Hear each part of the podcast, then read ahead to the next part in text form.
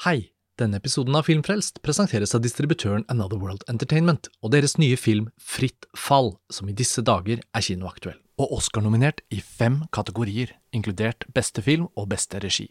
The Playlist kaller Fritt fall et mesterverk, og regissør Justine Trier ble belønnet med Gullpalmen i Cannes. En mann faller i døden, og kona blir mistenkt for drap. Men har hun gjort det? Fritt fall er en dramatisk thriller som utforsker dødsfallets skyldspørsmål på en original måte. Sandra Hyller briljerer i hovedrollen, og i spenningen mellom familie og rettssalsdrama blir Fritt fall en av vinterens beste filmopplevelser.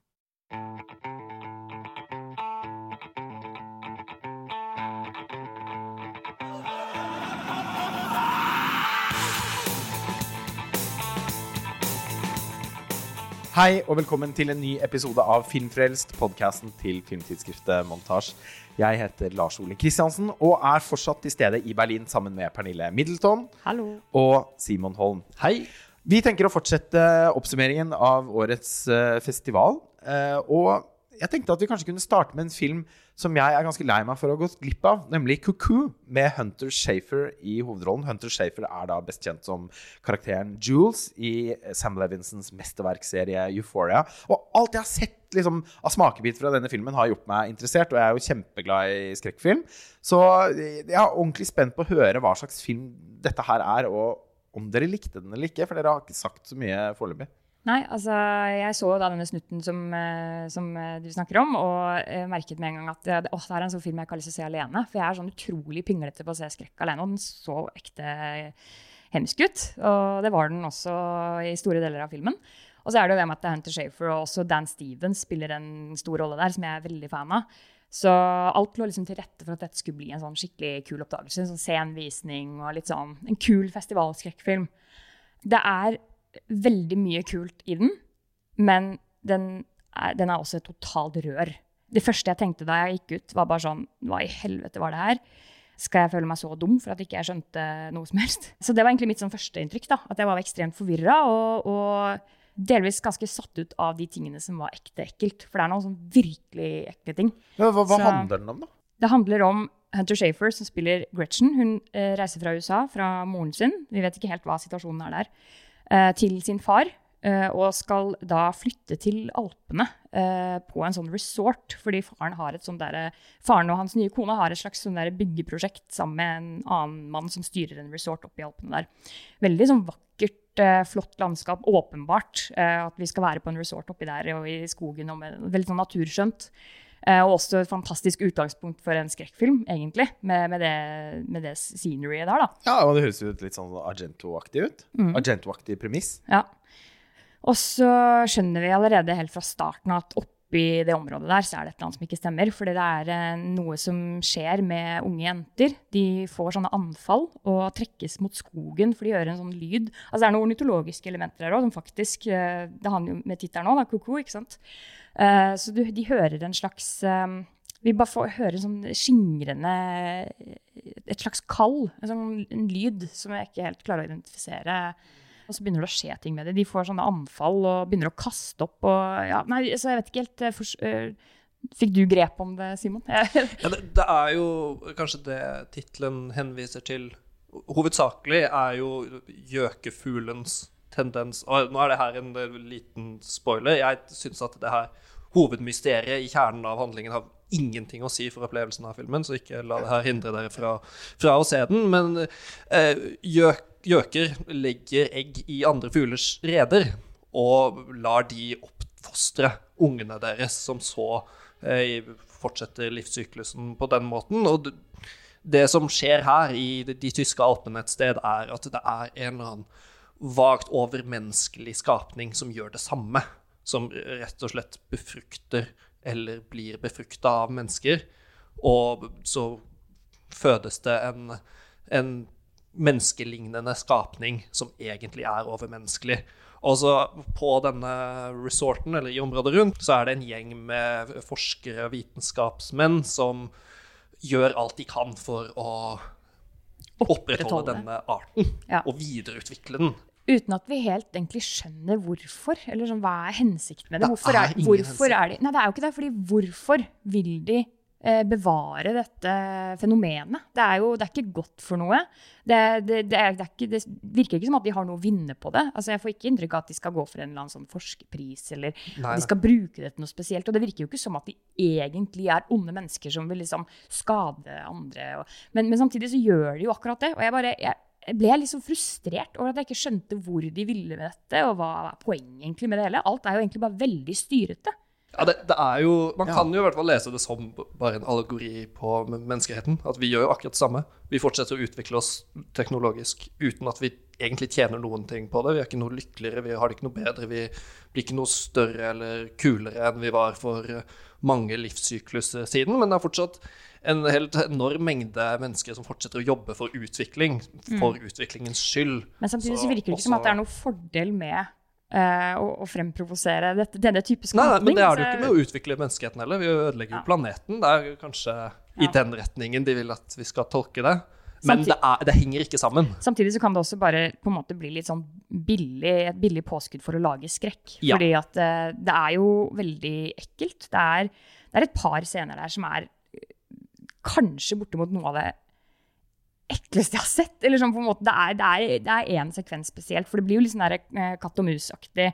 Eh, eh, Gretchen, hovedrollen, hun blir jo da jaktet på, og er jo heltinnen som skal på en måte eh, komme seg unna, men samtidig blir hun også dratt inn av en eh, mystisk fyr som har hatt noe med dette her å gjøre tidligere, og sammen skal de på en måte slå seg sammen for å, for å få en ende på dette. da.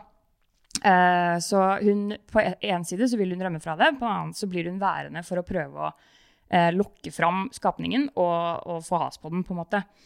Og, og da er det noen av disse jaktscenene spesielt som er sånn vanvittig eh, skumle og ganske godt kreativt løst. Også Eh, karakterdesignet av hun her eh, Ah, menneskeaktige skapningen er helt fantastisk ekkelt. Jævlig ekkelt. Og det er eh, eklest eh, helt fram til man ser for mye. Så klassisk sånn skrekkfilmtilfelle hvor det er det du ikke ser, på en måte er Da er det mye, mye, mye eklere.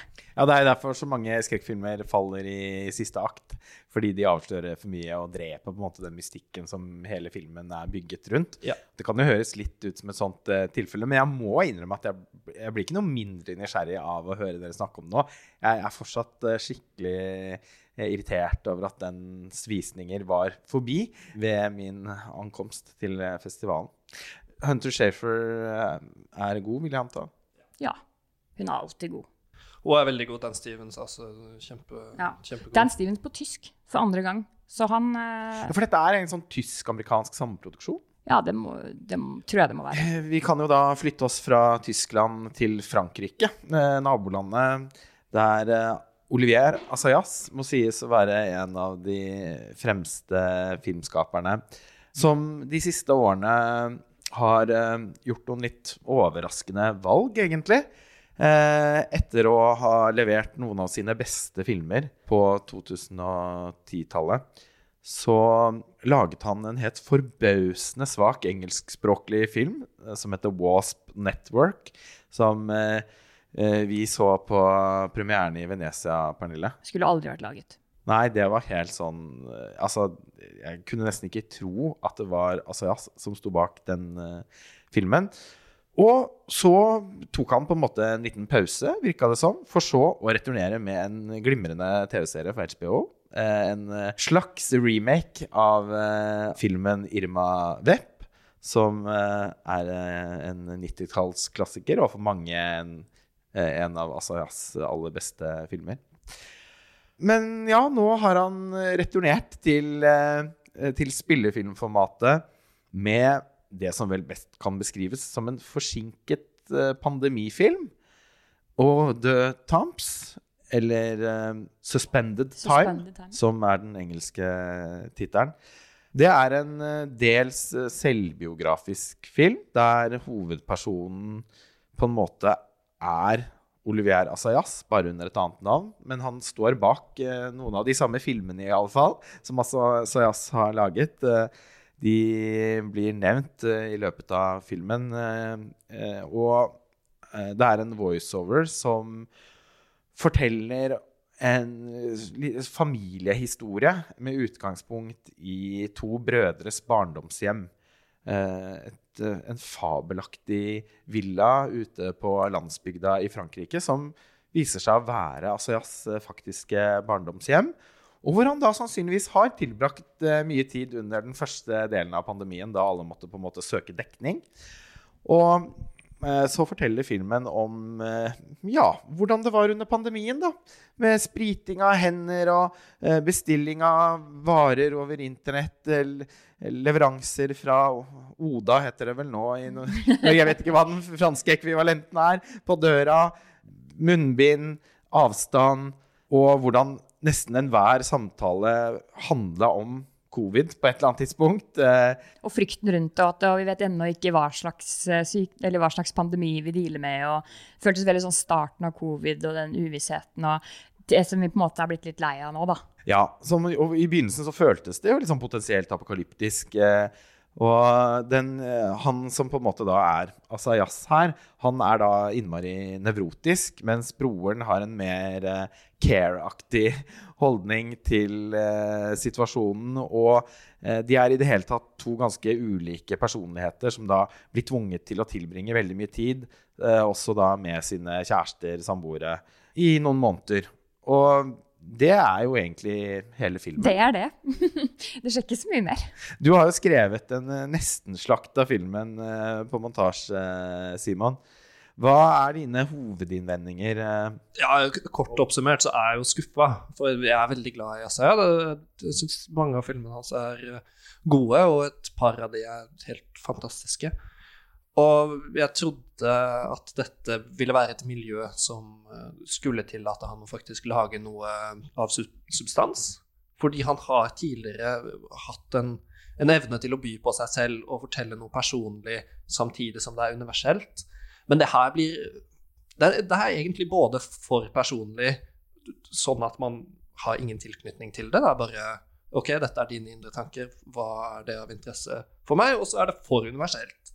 I at ja, alle opplevde det her, men å gjengi det er har ikke noe verdi. Alle, alle levde jo denne situasjonen, mer eller mindre. Og det, jeg hadde ikke noe behov for å se karantenen i reprise.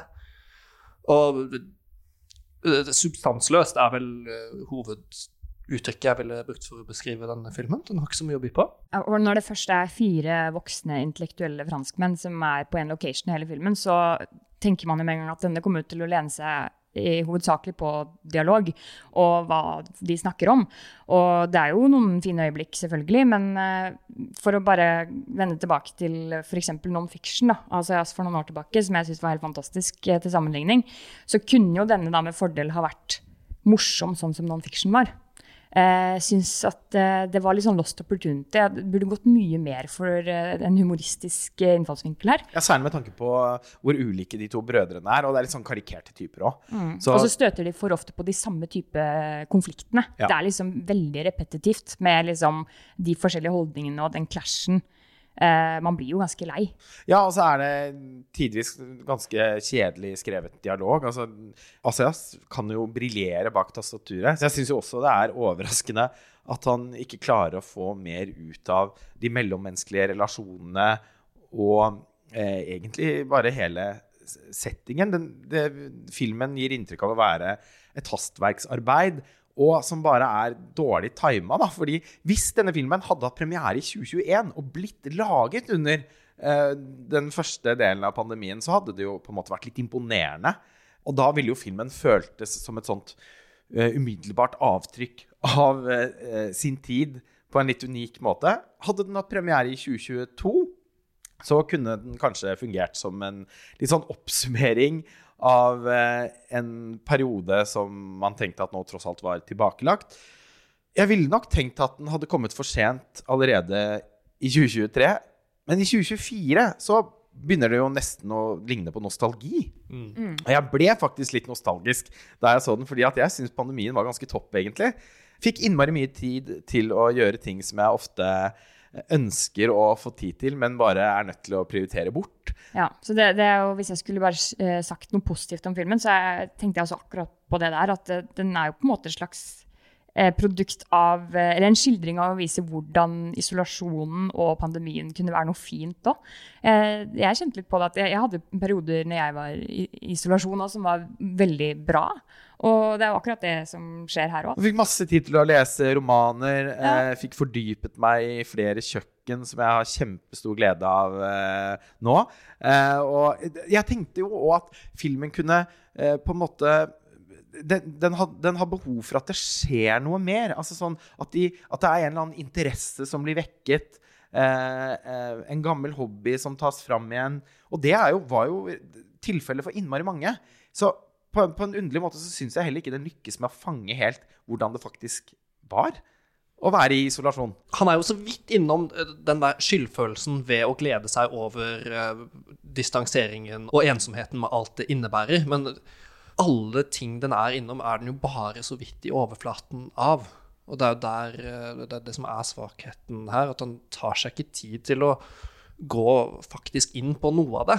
Hadde hele filmen handla om den her ene måneden med lockdown og det å fryde seg litt over å endelig få tid til å gjøre alt man skulle, eller endelig være aleine, eller endelig ikke måtte forholde seg til eh, alle de andre plagsomme samfunnsborgerne i landet sitt, så kunne jo man fått noe ut av det, men han er jo bare innom alt. Ja, Og og, derfor på en måte også ingenting. Ja. Eh, og så kunne man jo også sett for seg at eh, eh, Asayas eh, hadde vært i stand til å lage en, et filmspråk som på en eller annen måte eh, fanget eh, inn følelsen av hvor sakte tiden går i en sånn setting. Eh, gjennom lange tagninger eller jeg vet altså så Nå skal ikke jeg komme med en hel masse forslag. Men eh, det, filmen har i alle fall et veldig konvensjonelt eh, filmspråk. Det er masse bruk av shot reverse shot. Jeg syns den er ganske stygt fotografert på digital video. Med sånn overeksponert lys, særlig de eksteriørscenene som du også bemerker i din eh, anmeldelse, Simon. Ja, he hele estetikken er eh, altså i beste fall nøytral, da. I er- best, ja, Altså, I beste fall kjedelig, egentlig. Ja. Den Men- lener seg vel kanskje aller mest på landskapet og skogen og engen og huset, og, som er veldig pent, da. Altså, Ja. Det er jo en flott location. på Men en det hadde måte, vært så- fullt mulig å fange det på film på en uh, mer sanselig uh, måte. Men, altså, men når alt, alt det her er sagt, så, så var det så Jeg klarte ikke helt å kjede meg likevel, da. Jeg var på en måte litt Jeg var ikke revet med, men jeg var noenlunde underholdt. Fordi jeg kanskje også var litt sånn spent på hvilken retning filmen skulle ta. Og så når den da landet et så lite overraskende sted Et gjensyn vil nødvendigvis legge en demper på, på den eh, forventningsfullheten som jeg kanskje satt og tviholdt litt på underveis. Men i et Berlinale-program som så langt har bestått av stort sett litt sånn middelmådige filmer, så syns jeg vel ikke nødvendigvis at denne utpeker seg som en av de minst interessante. Kanskje bare fordi det er en Asayas-film. Og den vil jo uansett på en måte få en slags funksjon som en del av hans filmografi. Og ved noen anledninger så tenkte jeg at filmen kunne minne litt om Francois Truffaut. Eh, bruken av voiceover og egentlig eh, måten karakterene blir framstilt på. Eh, men eh, og, og Truffaut blir også da henvist til direkte underveis eh, ved flere anledninger. Så da fikk jeg på en måte da bekreftet min antakelse om at han kanskje da er litt inspirert av et knippe Truffaut-filmer som eh, Le Deux Anglais eller Continent. Two English Girls heter den vel på, på engelsk. eh, Og uh, L'Enfant Sauvage tenkte altså på. I og for seg også Jules og Jim. Men, eh, men, men totalt sett en, en, en nokså nokså underveldende eh, comeback. Men eh, det er jo tross Takket være den Irma Webb-serien, så er det jo ikke sånn at eh, Asayas egentlig er på gyngende grunn, da. Og han har jo i og for seg også en filmografi som er litt ujevn, bare fordi han alltid prøver seg på noe nytt. Nesten. Altså han, han er jo virkelig en filmskaper som tar sjanser, og som En del av hans autørskap på en måte er jo også å være eklektisk. Så, så, så, så, så sånn sett så setter jeg på en måte pris på at filmen eksisterer. Eh, men eh, jeg tror ikke vi har så innmari mye mer å, å si om den. I og med at dere har vært her eh, noen dager lenger enn meg, så har jo dere fått sett eh, filmer som, eh, som jeg bare har hørt om. Er det noen som eh, dere har lyst til å løfte fram? Jeg har sett en liten uh, fransk film som heter Langue étrangère, eller Foreign Tongue. Vi møter uh, to uh, unge venninner. En er tysk, en er fransk. Og de har vært sånn, mødrene deres har vært venner back in the day, og så har de blitt sånn pen pals. Og så starter egentlig filmen med at hun franske skal besøke hun tyske. Og bare på sånn språkreise, på en måte. Ikke en sånn superfilm. Jeg vet ikke om jeg kommer til å huske den så godt eh, om, om en stund, men den var, det var en sånn fin film å være i, egentlig, med veldig sterke skuespillerprestasjoner. Spesielt de to unge jentene. Men også da mødrene deres, spilt av henholdsvis Chiara Mastroianni og Nina Hoss, som gjorde helt sånn sinnssykt gode roller. Så det er litt sånn verdt å se, egentlig bare pga. Nina Hoss. Faktisk Hadde den rollen hennes vært større, så kunne det fort ha blitt sånn Best Actress Wow. pris, tror jeg. Ja, fordi akkurat de scenene hennes er så fantastiske. Men det er ikke hovedpoenget med filmen, for det handler veldig om disse jentene og den dynamikken mellom dem, og uh, språkforskjeller, og uh, at de blir med hverandre på skolen, fordi hun tyske besøker også hun franske etter hvert i filmen, og, og er med hverandre på, på skolen og blant venner og sånt. og Uh, ja, litt sånn der faktisk uh, kulturkrasj, til, til tross for at de er såpass nære også, uh, i landene. Og mm, det var en del eh, interessante ting der. Men eh, ja, jeg trenger ikke å snakke for mye om den, men eh, den er verdt å merke seg, og verdt å se på Janina Aas. Ja, men altså, Vi kan fortsette å være i Frank Frankrike litt til, fordi dere har jo også sett uh, den nye filmen til Matti Diop, 'Dahomey', som er en av de som uh, folk snakker positivt om her nede, og som jeg da også gikk glipp av. Jeg var veldig begeistret for hennes spillefilmdebut, 'Atlantikk', basert på hennes også glimrende kortfilm ved samme navn. Hva har dere å si om den nye filmen? Jeg ser på ansiktene deres nå at dere Ja. ikke kjenner dere helt igjen i den positive mottagelsen. Ja, det var bare føltes litt sånn rart å si at man skal holde seg i Frankrike, fordi vi er, gjør jo ikke det i denne Nei, gangen, da. altså jeg bare tenker på henne Eh, som en fransk filmskaper. Ja, ja. Nei, her er det mer til eh, de afrikanske røttene og, Ja, og altså, kulturen. Det er jo da en fransk-senegalesisk eh, filmskaper. Ja. Og det, det handler jo om beninsk kulturarv og returen av eh, visse arvegjenstander Ja. fra beninsk historie som de endelig har fått tilbake, og så utspiller det seg som en sånn delvis uh, skal man si, roadtrip for disse museumselementene, som fraktes fra Frankrike til Benin, og så går man litt inn i den her debatten rundt returen av elementene. Hvor, hvor mye har det å si, og skal man egentlig sette pris på det i det hele tatt når det er 26 av 7000 stjålne artefakter som faktisk returneres da? Og det er her den, den blir nesten interessant. Ja. Det som faktisk kanskje gjør det interessant, er jo at uh, den artikkel nummer 26, den ene liksom, gjenstanden, har da en voiceover som loser oss gjennom filmen. Så uh, jevnt uh, gjennom de 67 minuttene, er ganske kort film, så går skjermen helt i svart, og så er det en sånn mørk, litt sånn demonsk stemme som prater, og da er liksom jeget, det er denne tingen. Og bare prater om reisen og liksom Å, nå, nå ligger jeg inne i kista på en måte og skal fraktes, og hva er dette? Og dens møte med å komme hjem, da, på en måte, og det, ja, betydningen av det.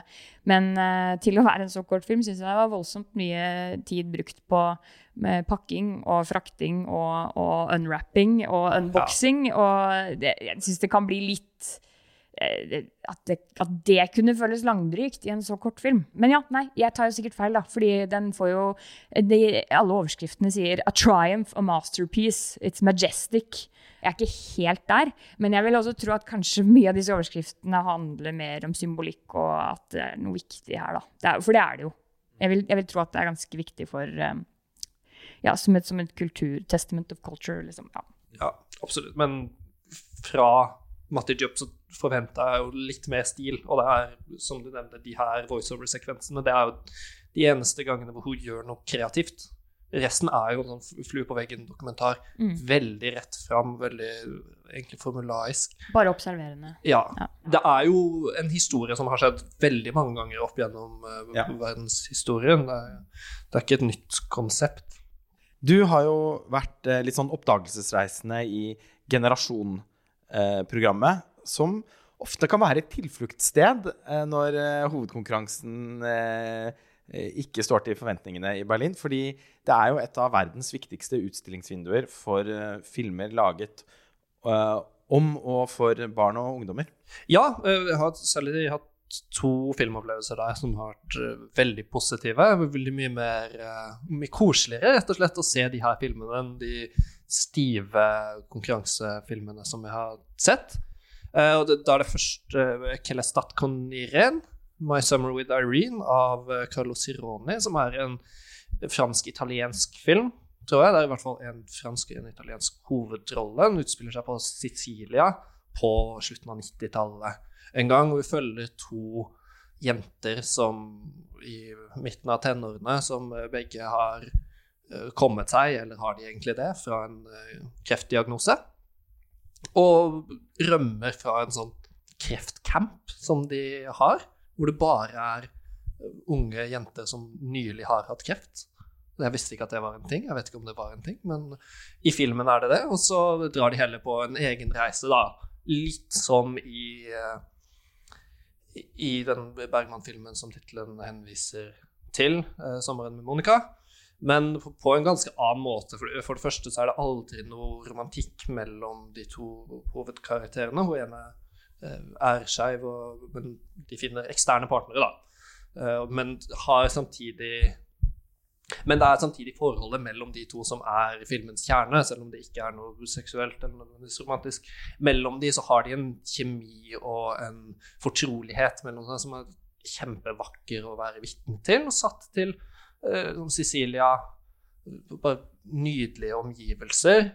Den er veldig Det er en veldig enkel film, men det er jo noen sånne mangler som er veldig mye enklere å tilgi i en film som er ment for 14- 17-åringer enn de her uh, voksenfilmene som har like store mangler, men som man nesten må eller tvinges til å ta mer på alvor. Så den syns jeg var vakker. Og så er det en argentinsk film jeg kalte Los Tonos Mayores, The Major Tones av Ingrid Pokropek, som starter som en Det er litt sånn uh, NRK adventskalender-vibber, på godt og vondt, egentlig. Og så utvikler den seg til noe som kan minne litt om Bob Burnhams 8th grade, i at det, handlingen utspiller seg rundt en 14 år gammel jente som uh, har mista moren sin, bor uh, alene med, med, faren. Litt rundt forholdet deres, men mest rundt at hun får noen sånne signaler i uh, metallplaten som er lagt inn i armen